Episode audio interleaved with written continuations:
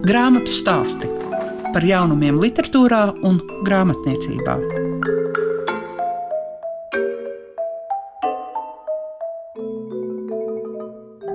Šīs dienas grāmatu stāsti būs dzīski, jo jūs dzirdēsiet eh, divas dzinieces, Sandru Ratnieci un Janu Egli. Sandrai Ratniecei iznākusi otrā dzīslas grāmata, pastkastīte nenosūtītām vēstulēm, savukārt Jana Egli iepriecina ar krājumu ledus debesis. Kopā ar jums grāmatu stāstos Liega Piešiņa. Grāmatu stāsti programmā Klasika. Grāmatas stāstos mēs atvērsim pastkastīti nenosūtītām vēstulēm. Un dažs varbūt uz to jau prot reaģēt un zināt, ka tas ir Sandras Ratnietes dzējoļkrājums.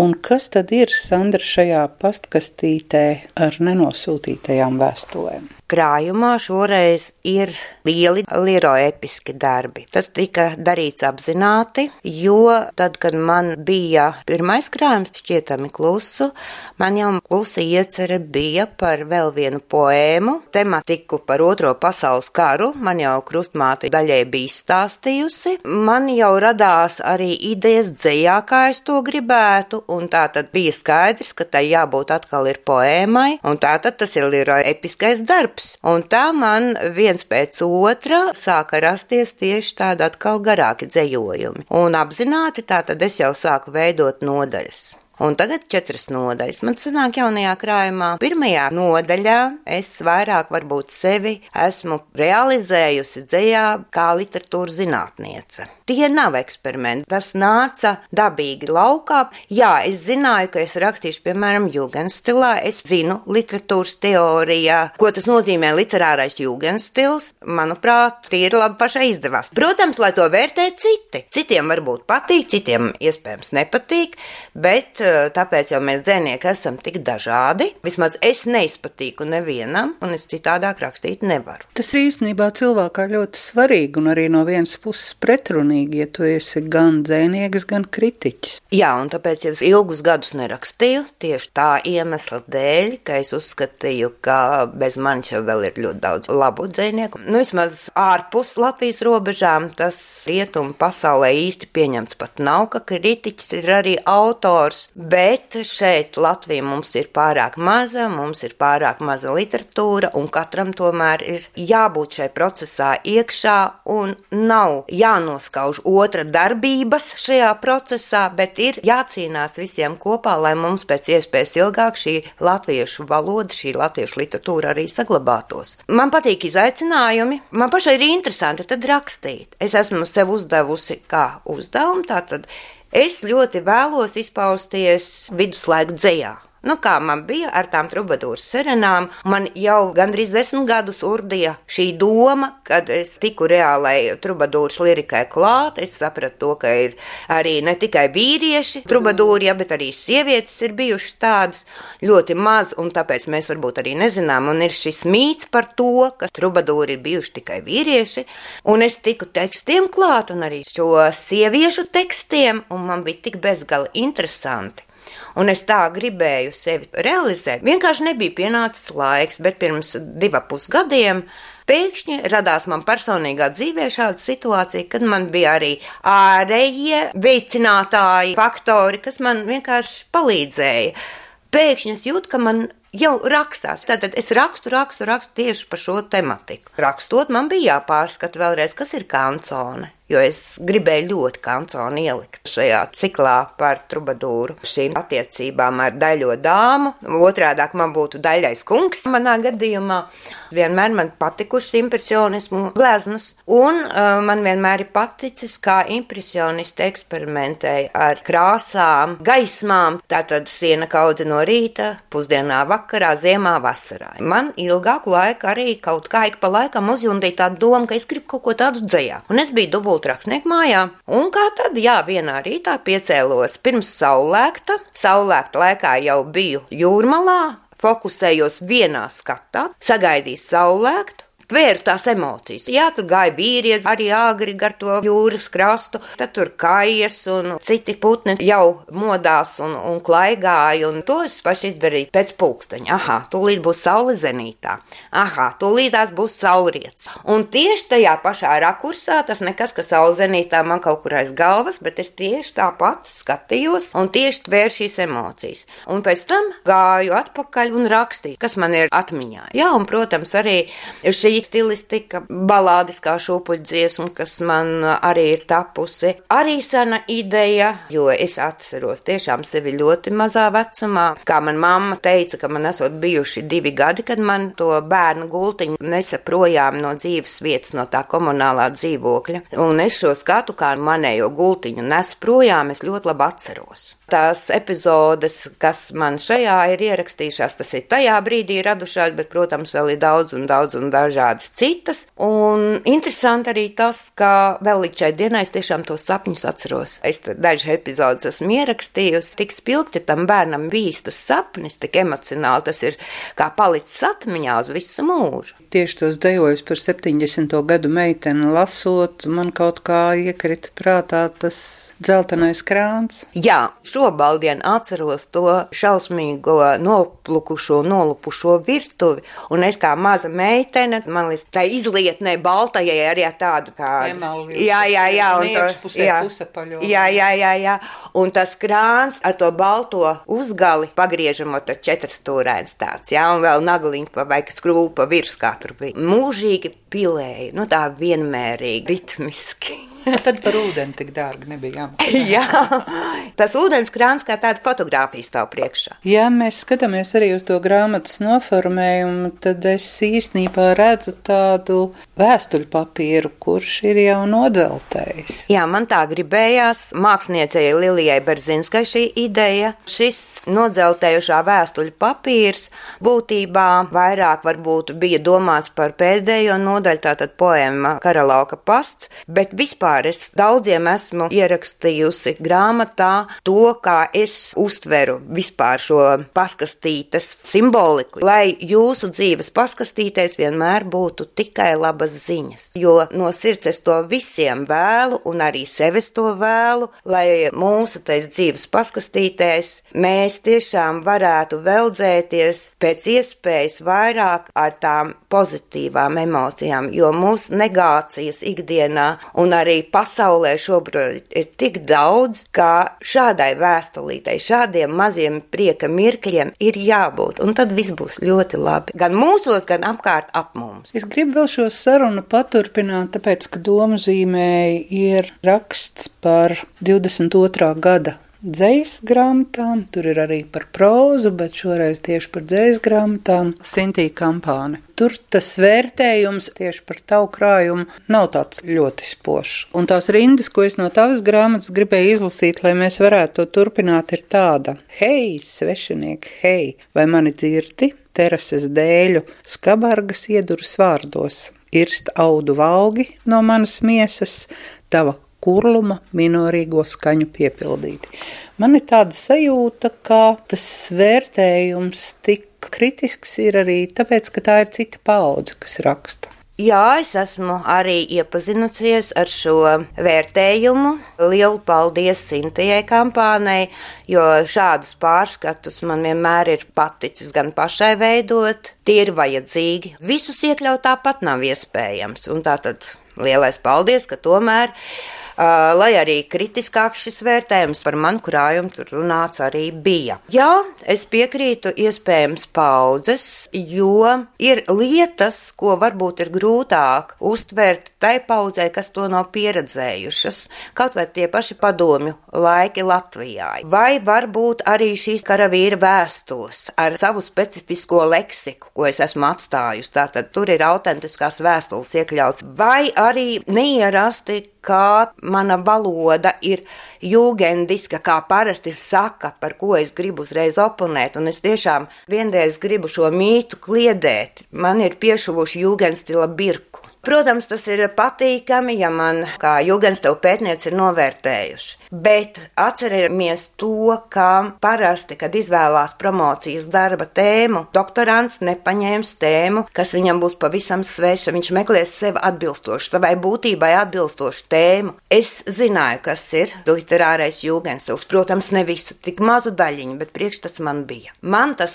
stils pietiekami tuvs. Visādā ziņā es esmu tāds cilvēks, vai iespējams mani nepazīst. Šajā gadījumā, lūk, cilvēkiem ir iespēja caur manu dzēju mani iepazīt pavisam citādāku Sandru nekā varbūt mani zina ikdienā jo ļoti personīga dzēja tomēr ir kā žanrs. Nu, lūk, un šī valodas bagātība jau izpaudās krājumā šķietami klusu, kurā es gribu tā piebilst. Ir ļoti daudz dzējoļu no manas sākotnējā publicēšanās laika, nevis beidzamo gadu dzējoļi. Tad es vispār par tādu literāro jūgenstilu, atvainojos, nezināju. Tātad tā ir mana valoda. Tā ir mana valoda, šī ornamentālā valoda, tāda es esmu. Vienkārši dzējā šo valodu es varu vairāk izteikt, vairāk izpaust nekā runājot ikdienā. Man ļoti patīk ikdienas valoda, dzīvā valoda, mūsu valoda, kas ir ļoti bagāta gan vienkāršumas veidā, es atvainojos, gan arī dialektismu veidā, bet man uzreiz gribas oponēt, ka Sintēnijai kampānē nebija taisnība. Negribu ticēt, ka nezināšana var būt virspusējība vai paviršība, respektīvi es runāju par pieminētajiem senvārdiem. Šajā manā krājumā nav neviena senvārda. Ir dialektismi, ir arhaismi, bet ne senvārdi. Līdz ar to, ka ir tās paudžu atšķirības, starp citu, es esmu runājusi ar 30 gadniekiem, un arī 30 gadnieki ievērojami. Es varbūt nesaukšu vārdā. Piemēram, ir arī meistardarbnīcas, kur ir vadījuši, piemēram, Toms Rēbergs, tāpat citi 30 gadnieki, kuri pat ir atzinuši, ka mūsu paudzes dzēja, tātad Sandra Ratniece, Aija Rozena, par Jānu Eglievu es tagad esmu dzirdējis kaut ko līdzīgu. Tātad mums Te bija viena tā recenzija, arī atsauksme mm -hmm. par trījiem krājumiem, un tieši kā ļoti var just, ka mēs esam viena paudze, tātad 30 gadnieki ir otra paudze, 20 gadnieki ir vēl viena paudze. Un uh, mums tas rokraksts ir līdzīgs kaut vai tādēļ, ka mēs esam dzīvojuši vienā laikā, pieredzējuši vienus notikumus, un arī emocionāli to visu uztvēruši. Un caur sevi, kā saka, caur savu izjūtu, sajūtu prizmu izlaiduši. Nu jā, bet tas arī ir saprotams. Es domāju, ka to mēs tā arī norakstīsim, to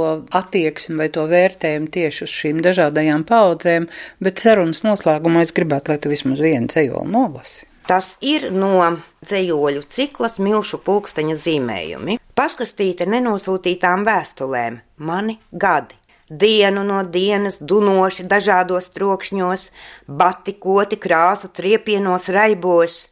Vienu dienu tie graciozās poantēs lāsmo, stāv pirksgalos kā balerīna, bet citu dienu tie tulzno nērtos apavos, brienot pa pilsētas ielu pļavām, plūcot bruģakmens čembas kā puķes. Grāmatu stāsti programmā Klasika. Ierastāk jau ir situācija, kad dzinieki kļūst par prozīķiem. Bet attiecībā uz Jānu Egli mums ir jāmeklē tas atpakaļceļš vai apļveida kustība, jo ir dzēja, tad pārliecinoša proza un no atkal dzējoļa krājums ledus debesis. Jāna, kas ir ledus debesis? Tas ir diezgan tāda konkrēta un simboliska lieta. Īstenībā es par to daudz neesmu iepriekš nekur teikusi, cik nu intervēta, bet tad es varu pateikt, ko man nozīmē tieši šis nosaukums un šīs ledus debesis. Es domāju, ka visiem cilvēkiem ir zināms tāds eh, jēdziens kā stikla griesti, kas ierobežo sievietes iespējas ārpasaulē. Tas ir, kas notiek ārpus viņas, un manā sapratnē, manā pasaulē šīs ledus debesis ir tas, kas ierobežo sievietes jūtu pasauli un kaut kādu vēlmi izpausties, emocionāli izpausties viņā pašā. Šīs ledus debesis ir kaut kas līdzīgs stikla griestiem, bet pašā sievietē, nevis ārpusē. Bet tomēr to arī savās grāmatās par šo problēmu un jautājumu raksti. Kāpēc tev gribējās to radīt dzīsku? Patiesībā tas nav tā, ka man pēc prozas būtu gribējies radīt kaut ko dzīsku, jo grāmatā patiešām ir dzējoļi no 20 gadu perioda. Liela daļa no tiem ir tapusi pirms es sāku rakstīt prózu. Lielākā daļa, nevis liela daļa, tā būtu jāsaka. Un pirms es sāku rakstīt prózu, es biju iecerējusi šo otro dzīslu krājumu. Viņš gan ir stipri citādāks nekā tajā brīdī es biju iecerējusi. Un tā sajūta, ka man vajag pabeigt to dzīslu procesu, manī dzīvoja kā tāda adatiņa dūrās visu laiku. Un tomēr pienāca brīdis, kad es dažādi apstākļi sakārtojās, un arī man vēlēšanās kļūt tik neizturama, ka man tas bija jāizdara. Un paldies izdevniecībai Latvijas mediju, ka viņi bija gatavi dzēju izdot. Tas arī bija viens no tādiem ļoti pozitīviem pagrūdieniem, ka jā, tad es to gal galā izdarīšu. Un es nezinu, man ir tāda sajūta, ka tas varētu būt mans pēdējais dzējas krājums. Man ir pirmais un pēdējais. Tāpēc, ka man ļoti maz dzīslas rakstās un lēni, un e, kopš es rakstu prózu vēl lēnāk nekā pirms tam. Jau pirms tam bija pārāk lēni, lai es sadabūtu kopā, lai es kaut kādu vienotu koncepciju varētu izveidot. Tāpēc ļoti daudz, kas ir izmests ārā, ir mēģināts salikt tos, kas tā vai citādi turas kopā. Paldies arī Ronaldam Briedim, kurš man kā redaktors daudz palīdzēja tajā, lai mēs kaut kādu tādu konkrētu un kopā sevi saturošu kompozīciju izveidotu. Tā kā es nezinu, es nezinu, vai man sanāks vēl kādreiz tik daudz dzējoļu, jo vēl pēc 20 gadiem man būs 80. Varbūt tad būs trešais krājums. Tas uzreiz tā optimistiski neskan, lai gan var jau būt. Nu, labi, bet tev dzējoļi nāk grūti, vai tev vienkārši tu zini, ka tev pienāk tāds brīdis, nē, šodien es nerakstīšu prožu, šodien man būs dzējolis. Nē, nē, tas nekad nav lēmums. Tas vienmēr ir iekšējā sajūta, ka man šobrīd ļoti vajag dzējoli rakstīt. Tas ir tāds emocijas sprādziens, tas ļoti, ļoti atšķiras no tā, kā es rakstu prozu. Kaut kas tāds, kas ļoti emocionāli. Prozā man tomēr diezgan stipri prāts stāv klāt, lai arī es rakstu diezgan emocionāli, bet, manuprāt, komponenti ir ļoti spēcīgi.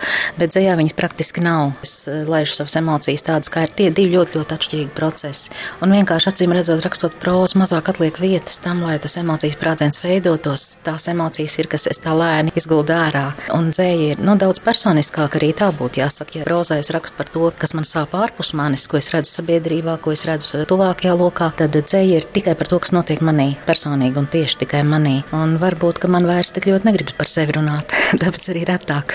Bet vai tas nav saistīts arī ar to, ka zinām nozīme tavā dzīvē ir mūzikai? Tas noteikti nav saistīts ar to, jo mūzika ir bijusi vienmēr ļoti ilgus gadus. Viņa ir bijusi mana pirmā radošā izpausme. Tagad gan viņa ir tā trešā, pat otrā, jo rakstniecība vai dzēja vai proza tas ir viens, un tad viņa palikusi ir otrā. Mūzika vienkārši ir mans fons, mana dzīve, ko es elpoju. Tā kā ūdens, kurā dzīvo zivs. Bez tā nevar, bet arī īsti nu, tā netraucē ne pamani. Vienkārši tu tur esi. Nu, man liekas, ka tev tomēr vajadzēs no ledus debesīm kādu dzīslīti arī nolasīt. Man pašai īstenībā ļoti, ļoti svarīgs dzīslis ir testaments. Es jums ko teikšu, mani mīļie, un tas ir ļoti svarīgi. Lūdzu, uzklausiet, un neizvairieties no sarunas par tēmu, kad es nomiršu, un es noteikti kaut kad nomiršu. Viss jādara, kā šeit aprakstīts. Pretējā gadījumā katrā otrajā pilnmēnesī rādīšos jums sapnī, bālām, šauri saknieptām lūpām, izvalbītām acīm, klusējot skatīšos sejā un varbūt pat spokošos tukšajā istabā. Kas jums jāzina? Katafalki ir pārāk dārgi. Noīrējiet kravas busiņu. Ceļam līdz krematorijai būs gana labs. Nesen tur esot uzklāts jauns asfalts. Vecā grāmatu plaukta apakšējā atvilknē ir apdrošināšanas polisa bērnu izdevumiem. Mēģiniet piekāst to kantūri, naudu paturēt sev, un, ja darba vieta vēl pabalstu iedod, Meita nopērts kuplus, krāsainus brunčus, liels krēlus un smalkus sudraba gredzenus. Dēls saēdies šokolādi, cik lien, kas zina, varbūt vēlāk būs jāpārtiek no ķīniešu makaronu zupu paciņām. Puķis, lai pavadītāji dāvina viens otram, un kad es jau atdusēšos urnā, vējainā dienā dodieties uz ziemeļu molu. Ja nu kāds studien grib iet jums līdzi, lai nāk, lai ņem savu alu, viskiju vai vīnu, lai ņem ģitāras, ukulēles un visādas grabošas bunžas. Un kamēr es priecīgi putēšu vējā, dziediet, dziediet, dziediet, lai mani pelni šņirkst jums starp zobiem, lai jūras vējš grauž jūsu acis. Ko tu pati lasi, Jana? Nu, es lasu visu kaut ko. Šobrīd es lasu rakstniecības laboratoriju. Man ļoti patīk. Un es lasu tā garšodama pa vienam gabalam, jo tad man ir jāpadomā, un lūk, tikko es nopirku akmentiņa laimīgās beigas, tad noteikti tā ir turpat jau rindā. Nu tā, nu tā, ko es varu sasniegt, to es lasu. Kas notiek tālāk ar tavām grāmatām? Viņas ir grāmatu plauktos, tu viņus sadod kādam citam. Kāds ir tavu grāmatu liktenis? Tās, kuras iegādājos, Jā. man ir divēji likteņi. Dzēja vienmēr paliek pie manas, dzēja nekad nenonāk nekur citur. Bet prozas grāmatas ir tādas, kas man ir un paliek plauktos, un tad man mājās ir tāds plaukts, kur es lieku grāmatas, kuras jebkurš, kurš ienāk manā dzīvoklī, var paņemt Vienkārši tā, tās ir labas grāmatas. Bet arī labas grāmatas dažreiz tu skaidri saproti, ka tu esi izlasījis un otrais viņu nelasījis.